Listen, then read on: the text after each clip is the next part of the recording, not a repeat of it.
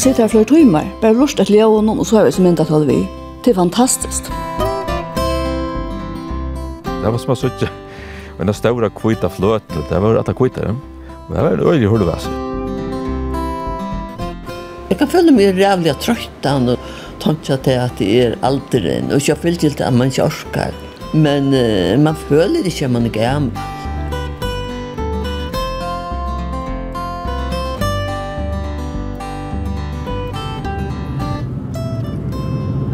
Gåan der, og velkommen av Nuttjan Tur. Det må være omlai en time, så gjerne jeg for ur havn, og heve kost inn i Estrøytene, og er nå i Sor Estrøy, og køyre fram vi en vattne, som etter munnen tidsje er vekrast av vatten i landen, hette er Tofta vatten, og, og i hesen økjenon, utan om Tofta vatten, hei nekvar vatten, spennande og fjellbrøytar opplevingar i uppväxten hon tog ju var ofta bort i hea samma vi två mon grannon chakon som røkta og hea parsten her av morgon. og det gjør det samståndes til at jeg ber kjenslo av en stor part av folkene som bor i bygdene som vi i det færre at vidja. Hette er en av tøymon nutjar og nyer sett bygdene og i landen Hette er et brimplås, men uh, her er gode vøkstor, det er år for jeg vera, at her er gode solargengur. Og jeg så tjøysene at uh, her er nekka bygd, her er onker nukk utstitching i gang, kalt jeg, så bygden vekser, og i det færer vi at vi tja i Ritavik.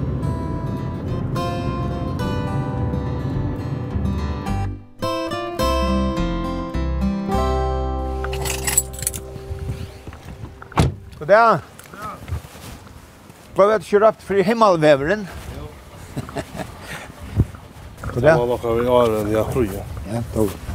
Så det var noe vi har en, at det husen her kom. Ja, ja. Det var det steg i Pura sammen. Det stod jo Pura sammen, det minnes jeg vel. God dag. God dag. Her bygg var Fruje Olsen og Margrethe Hansen.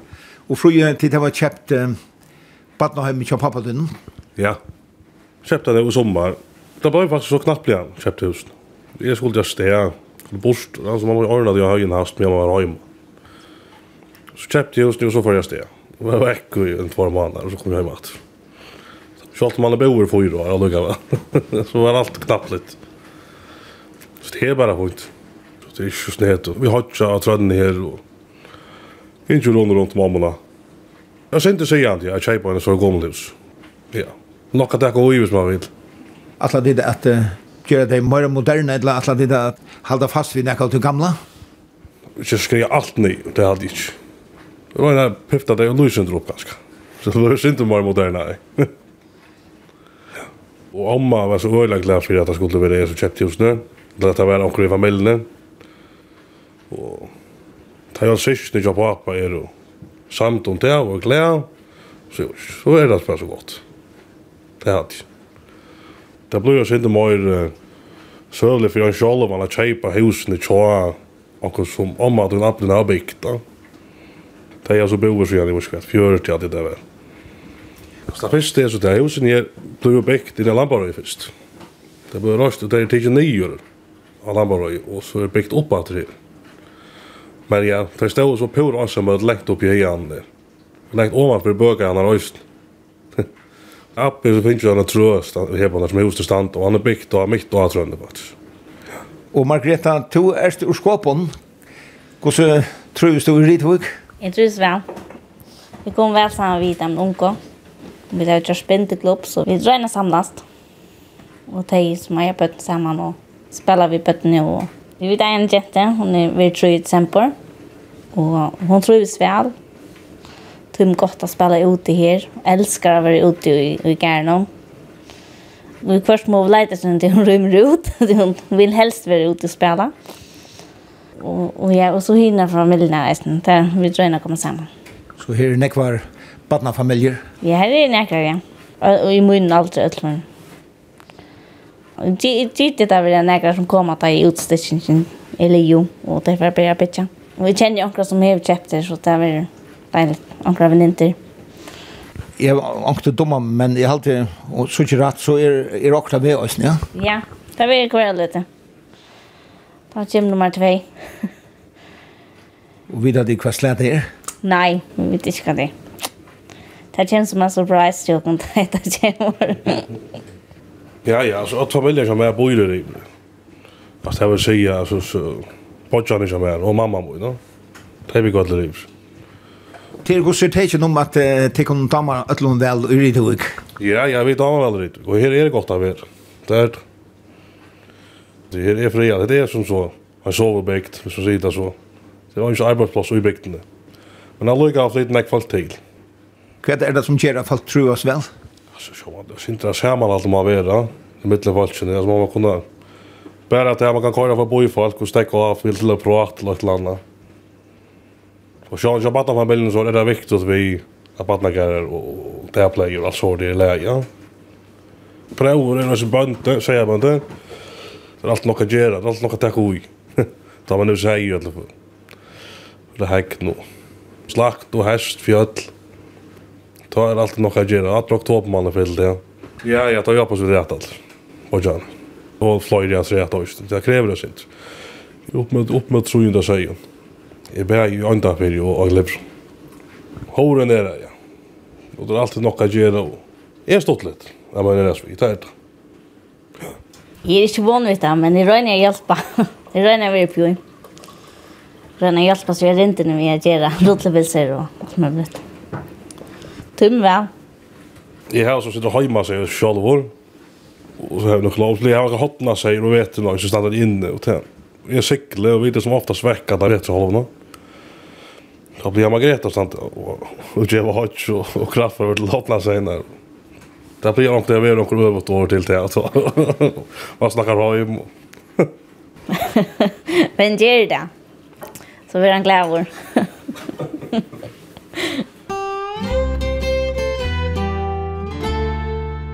Her som vi standa nu så kjør vi uh, alla ridvujkina. Hon er uh, lukka som i tvojmån. Først er det bøylinkren her. De har kommer til bygdena i Skatje, eller i Skatjenon, og så er det sjálf bygden langt ivre. Først og nyårsette falskene bosetter seg her i 1800 og Trujol Fjers, og så satt er Ridhvig og en av dem inkro nyårsette bygden under fargen, kunne vi sija. Og Herbert Olsen, uh, går spørre til at uh, folk bosettes i Ridhvig? Først er å si at uh, åren de flott og til Rytvukar, så var det tver rundt og gjør der åren, å slippe bytja, men uh, tar seg til hjørnet, tar uh, høyde som så ikke av og jeg lette nekka, og jeg ødler for en omkur av tar man enda jeg kvitanes. Men uh, tøyen er til brøytast, og så ble det til at uh, det ble en eller utskifting vi gjør i Tofton.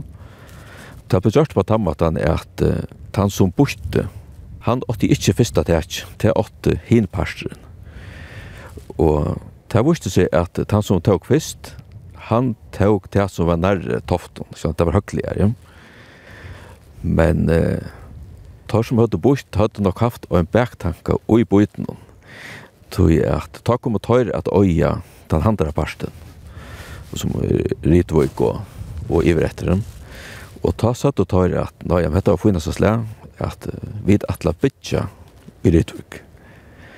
Det var faktisk ikke mange gjennom, så tar jeg til hun kastet sammen etter. Og da skulle prester si at nei, nei, bort er og tid er, og nå skal vi være som er. Da var det banda sinnes for første ivor, og her som vi stand av suttja vi om man skal ikke, og ivrett bersenta, og i iverkjøkken og vujtjena, og Og tar fyrst som bosett seg, tar bosett seg holdt ivrig enda, og Og der kan man kanskje undra seg sinter og at det er ferdig holdt her ivor, men det er fører så. Det kan være ganske flere søver til forklaringer rundt det, men, men det var så tilfell. Men skjønt, det kom flere til at bosett seg hjemme etter stret noen av myene, og men ikke høykordene var hantet, så kom det lammakerne og så kom etter høykordene og så ålsenderne myene, og, og så var jeg hjemme etter. Men det var ikke at Ta var så under at gjerne lenting her og Araka Kirkjegæren som vi så ikke. Og her finner det så en, en rymlig gøy lenting, men uh, opprunna lentingen, åren, nekka bygdi her, hon var her nere nirre Kroagil. Og med sin navn Kroagil ber på om at uh, det var skor torv, og det var nok mest folk, kanskje Sjundalen og Katla fyrir her aløy, skor torv i Ritvik, Sjundalen i Ritvik er bygd. Og kom så her etter torven, og man ser farver at du har haft lundar litt sant. Det er hål stadigvæk i hetlen Så den første lendingen er gjort åren Ridvuk var bygd? Hun er gjort Arren Ridvuk var bygd, ja. Så man kan det på en måte undrast at de ikke har sett seg nyer her ute. Det her som det grunnen være skapet seg av en lending, men det ferner var ikke så lengt ester som tar iverhøver slupp.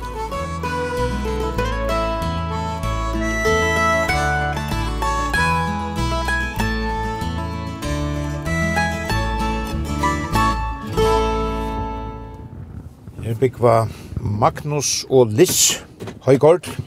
De har høner og Magnus velter epler og de har sei her.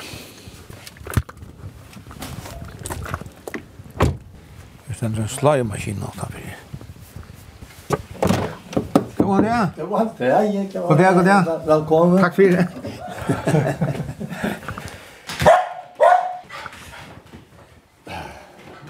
Magnus Høygaard, to hever Anna Velto her. Ja. Nya svig var ikke særlig for vått. Er også vi tog at det er Øysen til som gjør at det er ikke remmak langt. Sast ongar, sast ikke nokra remmak her langt.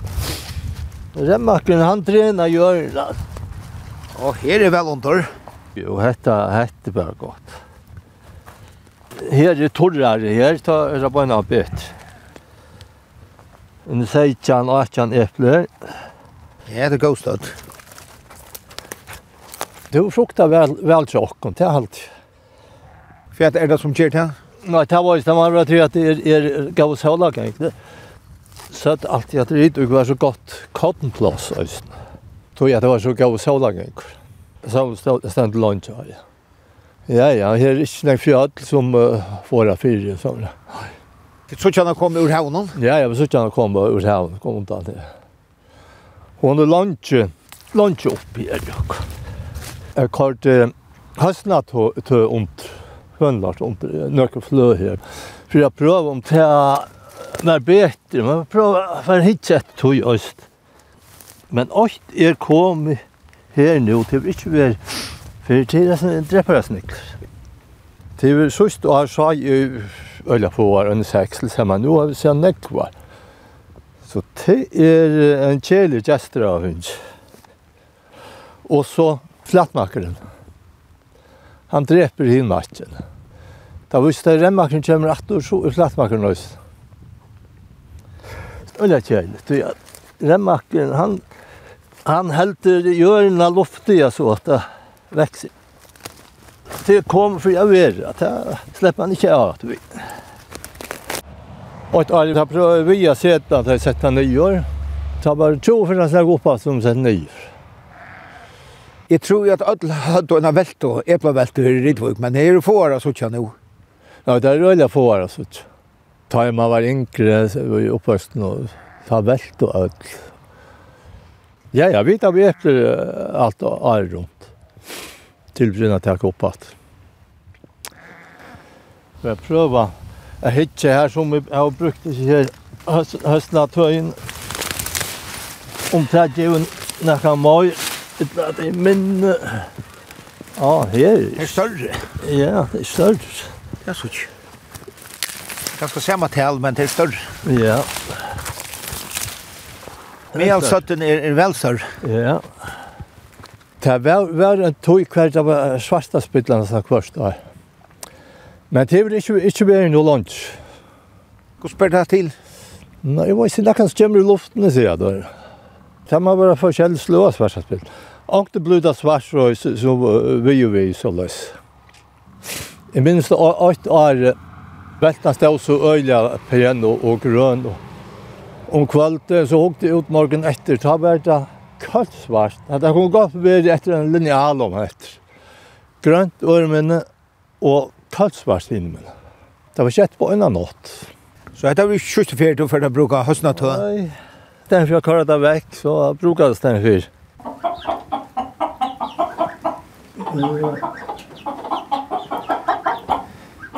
Det er litt tvære rarene. Og konan her i husen er ur økjen og utan om skanken, og Liss, hvordan var måneden å komme ur skanken til Rydvugar? Nei, jeg var trivst vel. Jo, her var, her var nok stor mån å ta i tøyene. Ta vi ikke så moderne som det er nå. og man ikke forstår ikke det blir sagt og sånn. Det, det var en, en tog og en forstår. Du sitter her vi, vi venter igjen, du sørst. Nesten alle bygdene her. Ja. Sitter du ofte her? Ja, det gjør jeg. Det er bedre enn å hitte ut i en hekk, som man ofte gjør i Danmark. Det er en hekk, ja. Jeg tror ikke at du hever de danske bøyletabbløyene framfor der her billedbladet og hjemmet og søndag. Ja, ja. Og her er selv drottningen her. Ja. Fylker du vel vi? Ja, jeg fylker vel vi. Jeg er nok så røylist. Men da var vel kongefamilien. Selv om man sier det er bare standet til pent. Men man skal også nå akkurat så suttje opp til eller suttje på. Behøver som ikke å, å velge president og sånt. Det er godt å ha om. Som er det samme alt, tror jeg. Alt det. Hva er det om at det selv leser om, om det? Det er noe det er akkurat uh, å ha til vi halda. Så da må vi vel kikke til kjolene og sånt. Lese talene og... Og så ellers fyllte jeg vi hvordan det minnast for bøtten og sånt. Ja. Ja, og nå uh, har vi uh, haft uh, kronprinsafamiljen av Vikan. Jo, jo, det var jo lige å få inn i første klæje. Tom du der at de var i første klæje? Ja, det tomte meg vel. Jeg Halte det bedre vel, løsene.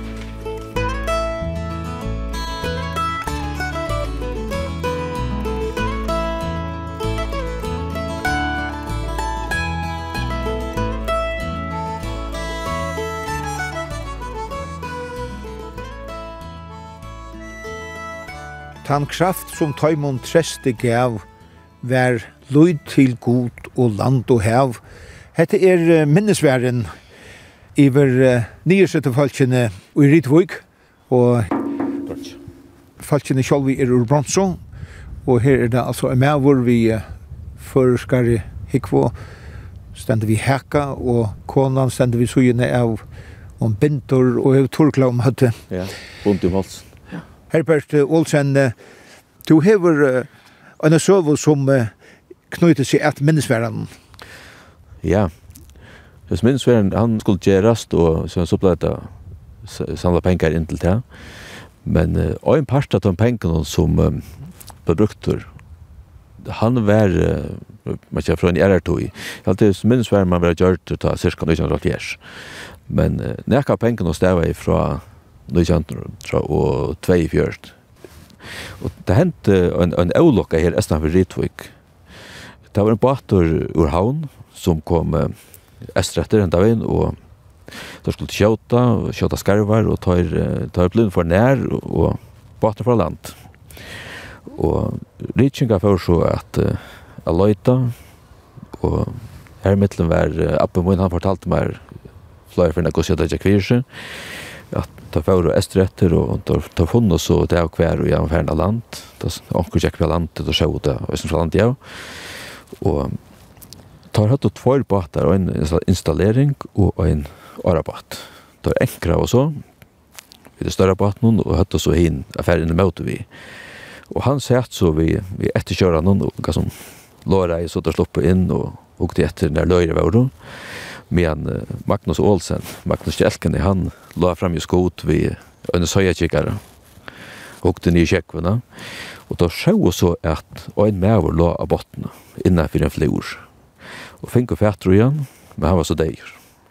Hin såg det ikke til, da sies det han var bästa svimjaren og da råkna vi at han er prøva svå med sin til søyes, er for et underländ i er, men er nok bare ferdig med strömmen.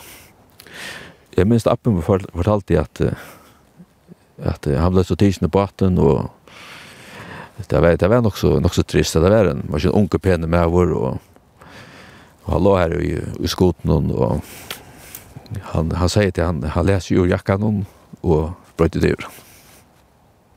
så ble han uh, ført her med vitsene og, og bor inn i kjønns og så kom uh, det er vært et eller annet preit til okkur at han bat noen innan vitsina. Altså, det er en etter da, da er lukkast mundi akkurat at det var nekka. Og så blant båren, og man og ført til havnar. Ja, og fyrir til, man kan ikke avmerkjen finko tar så tusen kroner fra jeg ser familien til Karla Lea i havn. Og det vi altså til bygdena. Og tar pengene for så i minnsværen.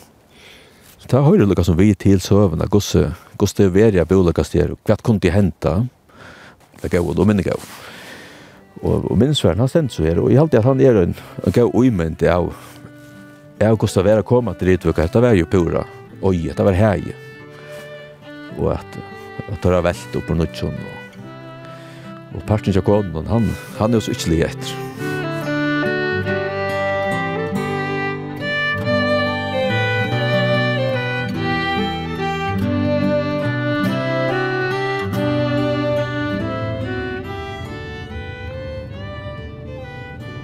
miskøys i bygdene her i Ritvøk, bygva tjonene Elli og Hanne Høykord. Elli må være i 8-10 år nå, og Hanne er helst iver halvfems. Bygva her, og som kvite hos noen her, for jeg vet om det er hjemme. Elli er jo, og i sykken av flotsen i Ritvøk som uh, setter hjemsmet, ble eldst til syskjene av flokker i heimnen, og jeg gjør det en sending vidt av høymnen, så jeg tar er ut fei av dem ferien.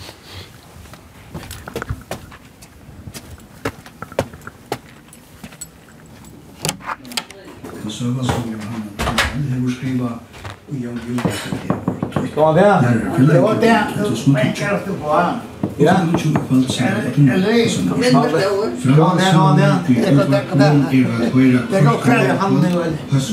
Jag kvärt är det nu då ska det. Ska det hemma nacka? Ja, nej, jag ska inte köra. Får komma hit bara hit kalve. Ja, vad ja. Ja, ja, ja. Vad säkert när vi är med koppen. Kom så in. Jag har deppat där. Ja, ja. Jag har deppat där. Nej, är Toftamauer. Ja, gå on down. Tore Mikkelsen og det. Tore. Sonar hans Chakarlin. Mikkelsen. Ja, ja, ja, ja. Ja, ja, det var hans. Ja, ja, ja, ja. Men du, hva er det du hever her? Er det... Et... Åh, for søren. Men du... Du vet, jeg kan noppa på søren. Jeg kan også, så var det vi okkon. Men til så gjort det her var det godt.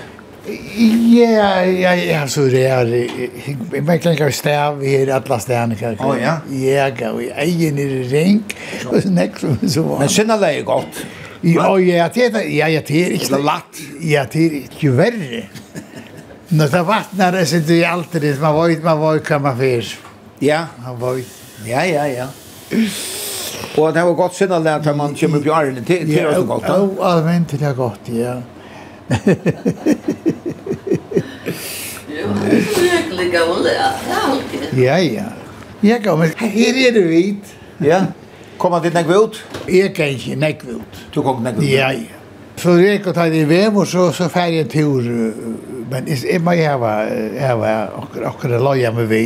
Og later igjen. Å, ja. Det må jeg hava vi. Hvis det ikke var, så var det vanlig. Så var det helt. Så var det helt vanlig så var det ferdig, så. Han er til nekk brøtt og ritt hvor i tunnar tog, ja? Ja, det er visst. Au, han mynte det han ekk. Han sjakk opp min, den naste. Han halv deg på en ivor i leipe, i ritt og ikar.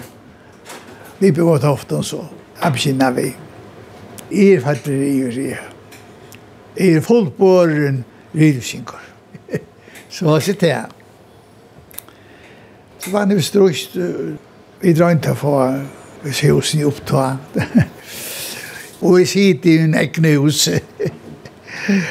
Det er ikke gale. Ja, jeg så ikke at um, misjonshuset er tidsi nye, det gamla, og, og nå er det grivet her. Du skulle bytja nytt. Vast jo, og nu tenker det så, så, så, så nye, for at det er mer rom i nekra. Og til nei at vi er noe som misjonshus? Ja, for sør. Til løyve. Hvordan er det søyten av løyve. Og så ikke til heimabæka du sitter av båret, eller? Jeg pleier å bæka hvem leier det, men jeg bæka ikke søgnast av leier det. Du tar vær i havn og har lyst av framsøgning. Tja selva. og dette her er kjeipt. Og til ungen handel i Rydvika? Nei. Er det kjeilig? Nei. Jeg er kommet vana, vet du. Det var rævlig at jeg helt å begynne vi. Ja. Det er en pastor av min egne er pida koma til til kyrkjo. Så du er til kyrkjo hva som det? Eh, ta jeg ikke. Ikke alltid liksom var fyrir a genka og koma, men men er ta jeg kan. Eller til det er 8 fors og 92 år gammel nå. Til da vel at uh, blod gammel. Ja, det er alltid.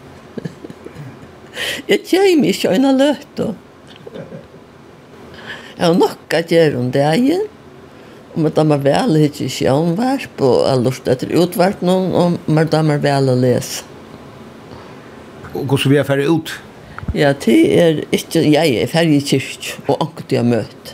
Og akkurat tur, men, men det er alt for løyt. Om man er blindur og læmen og, og ikke orskar, og hendene gjenga fire, så kan man bare si til at man hever det godt, og jeg hever det godt. Og hva er du kvøy?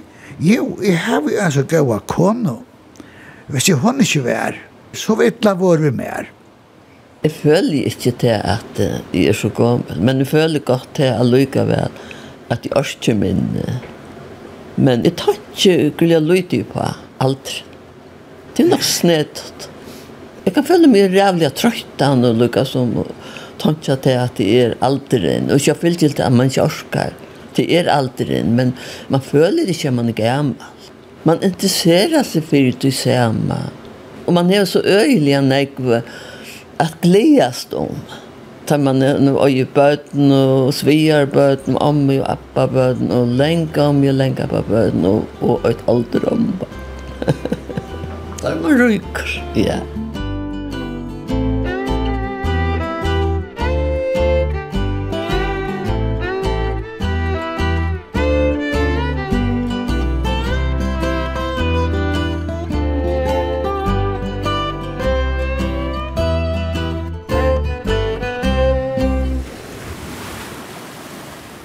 Nå er vi så nere vi lentingene her i bøylingene i skakene.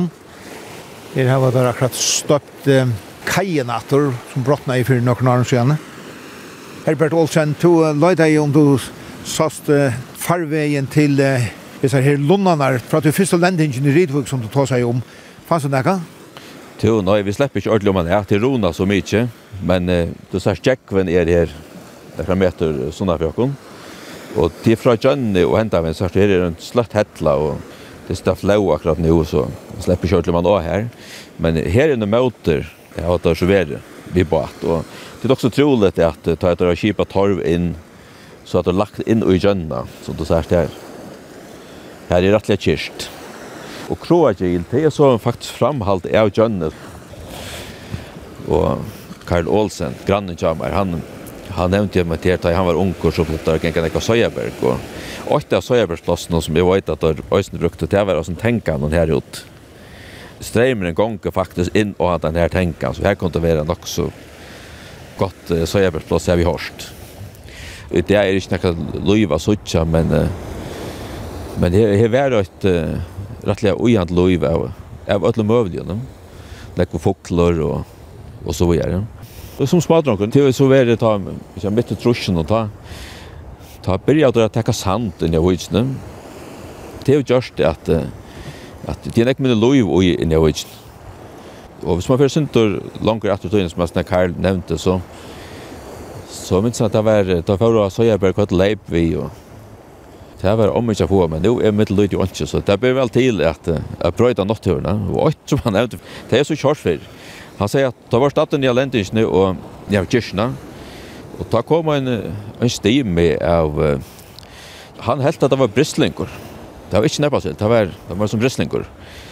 Og det var litt tjukt tvers ved landet, og, og det kom noe som råp i, og Jørgen Olsen, Jørgen Kjelken, så vi satt og han var stadsrær nere, og han hei ikke noe an på at jeg får fætter i det her, men det eneste øyla som, som lukks øyla til, det var, det var kepperen.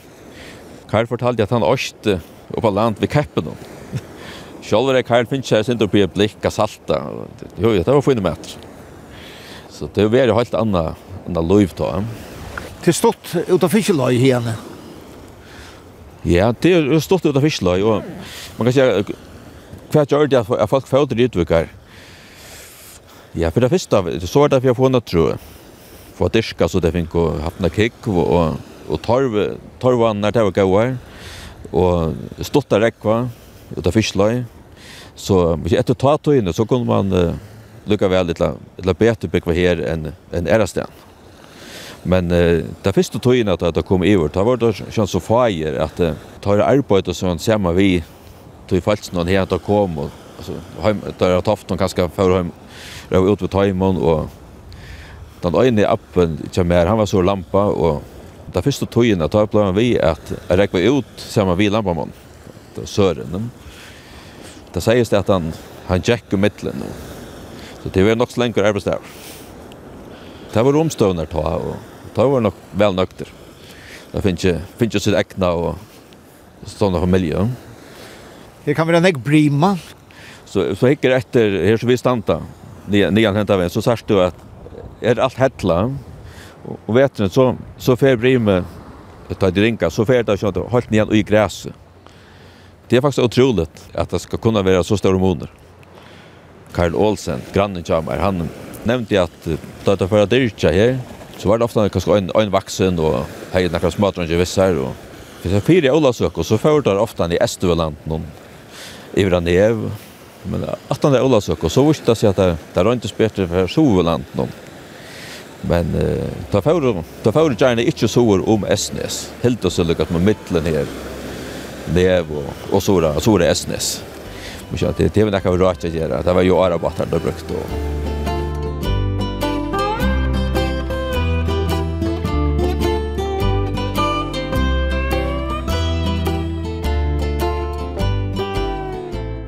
Oskar, hvis du ser til denne stølen her, så tykker du, det kan vi gjøre som om. Skal du ha bygd den 18-4? Ja. Ljóset er gott nu. Ljóset er gott, men nu tar jeg så møtljóset til den. Men dette fikser vi. Okay. Flott. Flott mynda han slett om alle.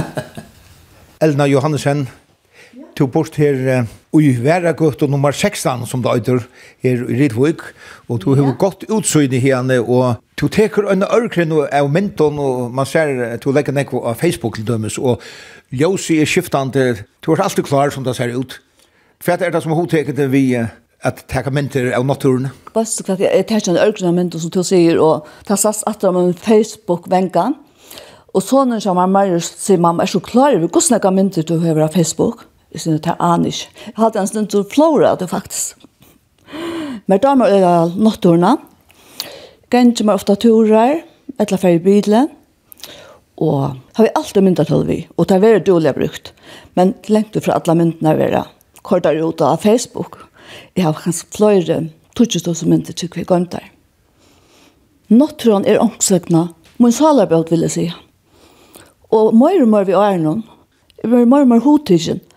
Og som du sier til, så sier jeg, har vi øyla gått utsynne i nødsøkna, og gjerne ser ut han ikke. Nå ber han å komme undan natter, og til så løy jeg, kvendt jeg sier ikke noe nytt, vi nødsøkna. Selv om jeg ser han alt mitt liv, helt løy jeg vi holdt fast oss når flere få glede av mynden sammen. Du får en ekvar positiv og atmeldinger. Så det er det som er lukket som motoren og det at du kan glede folk? Øysene faktisk er alt sjå dømer i filmløsje.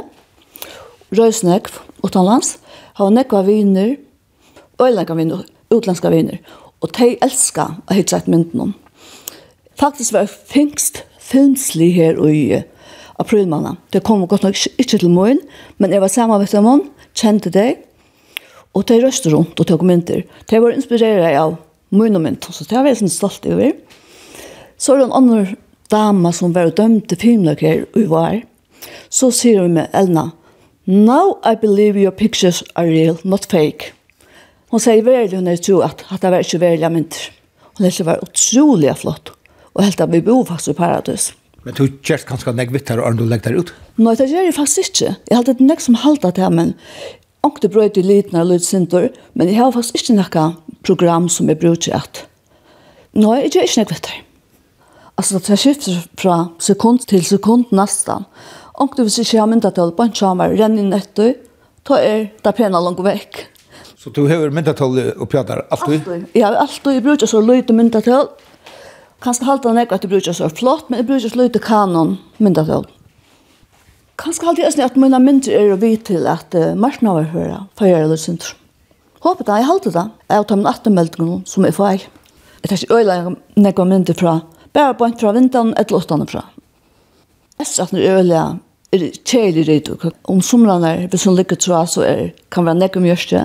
Men hva skal jeg at vi bygger søkt oppe, vi bygger faktisk oppe i henne, så kan godt uh, være sølskjøn her oppe, og mjørsten i bygdene. Det kan være øyla flott, altså suttja. Rydde og grøp inn plass som du varst, og det kan være ommetelig flott. At det kan mindre i ødnavegre. Kanskje flottere enn i gavegre. Så ofte hvis det er brim, og det er øyla størslige, så fer man fjørene og kan sitte her flere timer. Bare lort et leo og noen, og så er vi som mindre til vi. Det er fantastisk sånn solsetter og sånn flott, men det er så gjør vi ikke her. Vi synes ikke solaris, vi ikke jo estan for det. Men så kører vi først bare Øyes, slårvikker, trødnovikker, Saksonar, kører imstastens bare, kører bare altså det. Andre som vi vimmer til, det er ikke alle. Så altså enda mål er at få gode mynter? Til å få gode mynter, men jeg halte jeg stedet til å være marsjaler fri. At jeg kan mynter og være ute i naturen. Til å øyesnytta enda mål. Ikke bare myntene men øysen til. Jeg er så født og oppvaksen i Rytvig.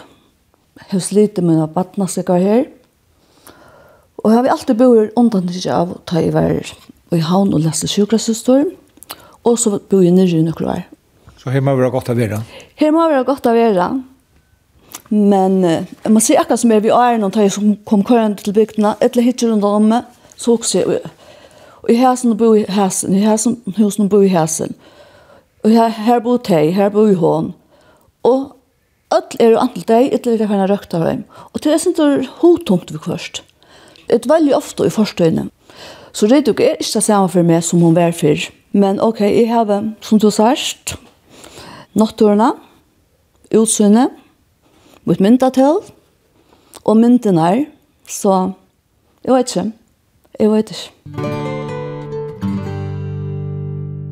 Nu er vi som Rydvikingar sier handast i Rydvik, eller i Rienta, og her stendra en nok så lenk lån, en høll, og hon er veri vel langri enn hetta, tog her husaies ta kjenta ekvirkjusen er tog, som byrja i 1912. Her var 36.000 høner og fyr, og 17 så skulle jo òsne hava neit, og det var jo en særlig søva ta i neitene skulle komme til landet, og det var råk om det, i samband vi lagavna, og så har vi minka halvt vi her i og skiftet. Og Herbert Olsen, uh, Ridvik uh, var kjent for særlig eggvirkje, det er jo Arne, ja? Ja, det er helt sikkert. Det var en veldig stor bygninger etter tatøyene, og mens det er folk som kort i Høymerhavn etter Åtjavenon, hukt en, en etter byggning var kvitter, han lusht i ordelig på sjur. Det var en veldig stor byggning, og folk kom og bare til utvikker hittkjertes byggning. Men så var jeg ut det, så, så stender en etter, og det er så den eldste parten, blev en tvärsektion och tecknar veck och så blev det restaurerat så var det och och i verant lött och så vart det brukt som gömsla för båtar och campingvagnar och cyklar och så vidare men men så för att till uppronan så ble huset bygd i halvfjers. Og det er stålkonstruktioner Det var isoleret vi, vi trolltex, altså søyer og loft og så. Det var, det var velkjørst, og søytene så ble utbygd i etter. Det var en Sindre Ørvesen bygninger. Han var tvøymen hatten. Her var jo nok større atlander. Her var, her var fjøsgjørst i Nekra. Så var høner i Erva. Det var hønn, og det kom så upp på køyre, men det var neiten, og det kom unga til ordelig i gang. Det ble jo et stromlager vi innflottning og ja, det ble jo et og annet. Og det er vi at man bare startet et fjøs faktisk bort ur ånken. Det var jo lengt fremme for sin tog i, og det sies at det var nekka vi halse våttan og så videre, men hvordan nekka vi det er fyllt, det er sånn gøy spørninger, ja. Men som sagt, Ekvirke var gongt i uh, noen år. Ein som uh, arbeider i Ekvirsen, han bor på en til Ivri, ja? Ja. Jakob Høygaard. Ja.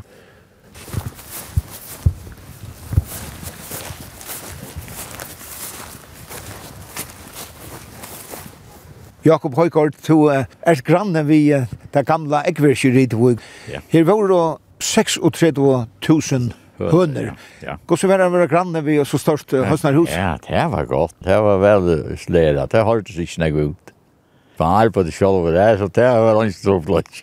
Det var var plass. Hvordan gikk det for seg? Nei, man, man får ned gjennom morgenen, og så startet man det til. Man startet jo en motor, så så for, for høyre i gang, så, så får du til lønner. Så, der, og så, så kom folk og hentet egg og skilja det, og Du gav som etta? Ja, ja, maskina gav ut av netta. Vi var, var mest var tvåir og trutju først. Hva er meine lammagar var? Nu stender en pastor etter av du i det, men det var jo sera lengt, altså, men 36 000 hønner, altså, det kom ikke nek plass upphart. Nei, det var lite plass parst. Men det var 17 hus som ble bygd. Her var trutjar hatter, og boren som var trutjar hatt, så her, her var norsk godt plass. Så har man det, det är så där där har bara en Jag har var detta det som tjejen sjön ut ju. Hus. Ut i sommarhusen var det fem hönor i i kvar en bord. Och här var det det var fyra. Och så var det sex rum som hade den 800 hönor i kvar en rum i att hem. Det gick på en massa läsar. Så här var det väl bäge borhönor och läsarhönor. Hvordan stor var det som burene ved fem hundene? Måtte være halva meter i forskant. Og så var det. Det var ikke størst raserrom? Nei, nei, nei. Så det lå, så dekket det alt, alt gulv. Og så kom etjen etter linja? Ja, vattnet av, av burene, han, han helte, og så rådde det ut. Så ble det hent opp. Det datt ned på ant, og så, så kom det ut i arbeidsrommet. Bjørgen Lust, og, og, og så var det vi er jo i, i Jeg var trutjast etter la fyra og pakka i Vi pakka det, seks kroner pakka. Det her fyna ikke, ja, ja, ja, ja. Så vidt jeg minnes så, da lød du ek, altså, ek letja, av kjenna vi. Lød du faktisk ekna kletsmaskin. Var det ikke okkur nekka vi Jo. Tver kletsmaskiner, og man skal tekka 34 du ek kvar maskiner. Ja, så ble det bojligare for hundar insättare inn, innan av kläschat det. Så det det var inte härna. Alltså det så som så var klart. Det skulle föras inn. Det var mycket centra Sirkus ved kvart. Minns du det? En sending var kommet i höjan der vi vi hønnen, og det skulle så köras i vår och hade en, en stor lastbil. Det var i kassan. Og nå synes jeg vi på en til halsbrekkene, og bilen er for omgjøkken halsbrekkene, og det kom iver i svinsen her. Ta fag, lukka som helten av alla lasten. Och man är av. Kappa ju man av en och ja. Ja, det är lätt där. Alla hundar? Alla hundar. Jag måste kunna tänka det om vi svär. Ja, det var samt det är en tusen hundar. Och så har jag fängat det rätt. Han grövar där och ränner jag med vägen. Jag minns Einar, han får ju jag något där, Einar, Einar Einarsson. Ja, ja. Han får tjøkken noe til rennene ned og rekte fyrir seg ned noen vei. Jeg minns det godt da. Vi, vi kom fra Erbøy, og da vi kom om halsen og sau, det var som jeg suttet. Og en større kvita fløt, og det, det, det var at kvita dem. Og det var en øyelig hulvæs. Og som du sier at det var koppa her, og man er her, som at den rennan var, og, og hønner der. Det er ikke bare her, faktisk pur i arbeidet her. Det var ikke vennig gang jeg leser dem. Og nekker var så ferdig i Nyheta Røri, og, og så gav vi Einar, han var djøra vi inne på seg, og så dette måtte få oss ut etter, men det var, det var nemmere sagt enn kjørst. Jo, ja, han kreip i jakten og renner han, ja. vi visste så ikke alltid på den veien, så, som, uh, det var forbiler og kort. Vi, vi la oss av oppe i kort vind, og, og på en måte var mist, ja, det det spelade var jag så så så så blev hundarna väck på den vägen till alla där stämmen. Mycket då där pura sittlar. Tack man tacka där här. Så var det en utskiftning och så kunde man köpa hundar. Ja, ja. alltså så det prinsa vespa då var 16 veckor. Så var på och gott då att. Så var på något gott att börja vi där kom upp upp på 50 procent av dagen. Så där är det ner så kom ner allt tror så Så tar man fjore fra dem. Vatten i øynene og fjore ut utføyer. Så begynte man atter, og så tar det mest av fjerne. Det tar nekva av dem, og så... Det gikk nekra viker, så, så, så får det vært på atter. Men ta helt der ikke lunch av, ta helt der en åtta, åtta måneder, så ble alt rip. Skalta, og så sært du folk, ja. Det var en sant vart. Tar det høner ut til folk, ja. Men 36 år, tusen høner og ta vart på 90 prosent. Altså, det blir nekk for om dagen. Nekk vekk, ja. Helt nekk vekk om dagen, ja. Det her stod av vid de små vekkene, da det byrja var, ja. Det var folk ikke så. Men så var akkurat på Karuja, og tar tåk og det små vekkene. Men jeg minns at Jack eller Jack jeg var simen, han var det som stod fyrt. Han sier så at farger brukte 44 000 egg om dagen. Så det klarer vi så ikke. Alltså, det började jag först i Alfjärsen och en Alfjärsen. Jag har arbetat för 90 år, ganska fort. Och det har varit en, en, en, en 13-14 år, ekvis. Da jeg ikke ble nedlagt, så, så ble det ikke planer. Man tar seg om å få neid. Ja. Men det er noe som stekker jeg opp, men, men det er noe som en, en forganger for det moderne av fjøsene som kom 17, så man kan si at uh, Ja, det var ganske sent til fire syna tog, men... Altså, Jakob var fire syna tog. Ja. Ja, for han, han, han har jo sina ideer. Vi standa mitt og i bygden her i Rydvøk, og her er en stor utstitching. Herbert Olsen, det ser ut som at det er avhov for at sette bygg i Rydvøk. Ja, det måste være rettelig stor avhov. Og hvis vi vet færre, hvis jeg nekker aftur togina, det kom faktisk ikke nekka særlig nytt folk. Onkur bygde, men det var, hvis jeg var itchinger og ganske mætje var her samfra. Men uh, nu er det fullkomlig brått. Er en hus til søl og så kan det lukka godt være onkur åtta netter som kjeipur og nu er en utstikking her hver man gjør tutsjo nødt grunnstykker. At taimon tutsjo er åtta selt. Så det ser ut som att, at det er unge fra att flytta av bygdene, så flyttar det till bygden. Och kvärt heldur du gjør det Ja, det er en god spørning. Alt som kan gjøre en bond, det er ikke hjemme etter. Så ikke vi den gamla veien. Kom om halsen og om ikke halsbrekkene, og så iver etter at biler fikk ytla møtst og kjelda køyra. Så fikk du nødt vei i erva. Det er i øtlen for å nekt latt her. En finner bra i vever og Det tar fem minutter å køyre, og det tok mye høyere, og eller rola vekar som, som det ofte har sagt. Det kan så være åkt. Og et annet, det er, vi har hatt dem som skola, og jeg får inn av skola, og men han ble så nylagt, og så kan man si at det har vært et minus, men det er sikkert at det har vært det. Nå er det en, en badnagerer, og unga familier, Jeg nevnte at badnen færa er fritidskola og, og så videre. Så er det kanskje også vet rak att man eh, kanskje vil släppa sin til bort ur her som de gänkor och luftdolching og så vidare. Det är er fria lite, vattna litt og, och i kass. Her er det er nekvar unga familier. Her er nok så vel av nødgjøn husom. Ja, ja. Og æsni, man fyrir her er det hus som ikke er særlig gammel heller. Ja, vi standa faktisk midt og middelen uh, Væragøtt og Gøylagøtt her nere. Ja. Det er jo størst økje som, som ligger vel fyrir speleplosser på et nye fire, og kommunen ser fyrir at, at bytja ruje vera så at det som minst av ampa fyrir vi utsikta ikke at de som begåma fyrir mot til det som er nya fyrir. Så nå er alt dette så godt ut. Og et annet som uh, må skje er godt vi har bygger ut og tid at det er gav går gengur og, og vi er jo godt.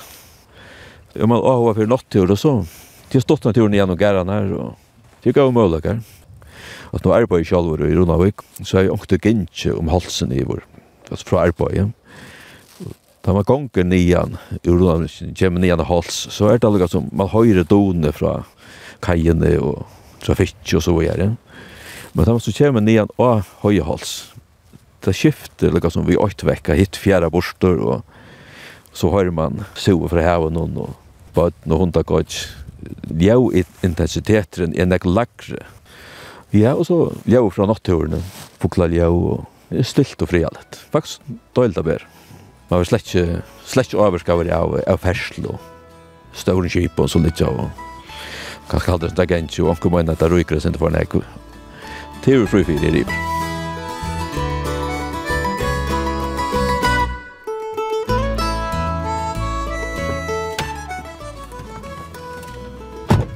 Etta var så Rita Wick, en uh, honalig uh, nyrsede bygd som er menkan her vitja. Og kortene fikk jeg imest uh, at vita som jeg ikke visste framan undan. Og det var ni at du som lustar i øysene hever finnkje. Sendingen er atter at høyra torsdag klokkan 11 og leirdag klokkan 4. Og det blir også til affær innan heimasugina kjøkringvart noen skriva kvf.fo framskak tt. Og så hever sendingen Øysne sånne egne sujo av Facebook. Vi Tore, T-O-R-E-D-I, skriva Vi Tore og Tore. Jeg kan så Øysne finne sendingene og mynter som er teknar i samband vi Toranar. Vi tar oss atter om Øyna Vigå.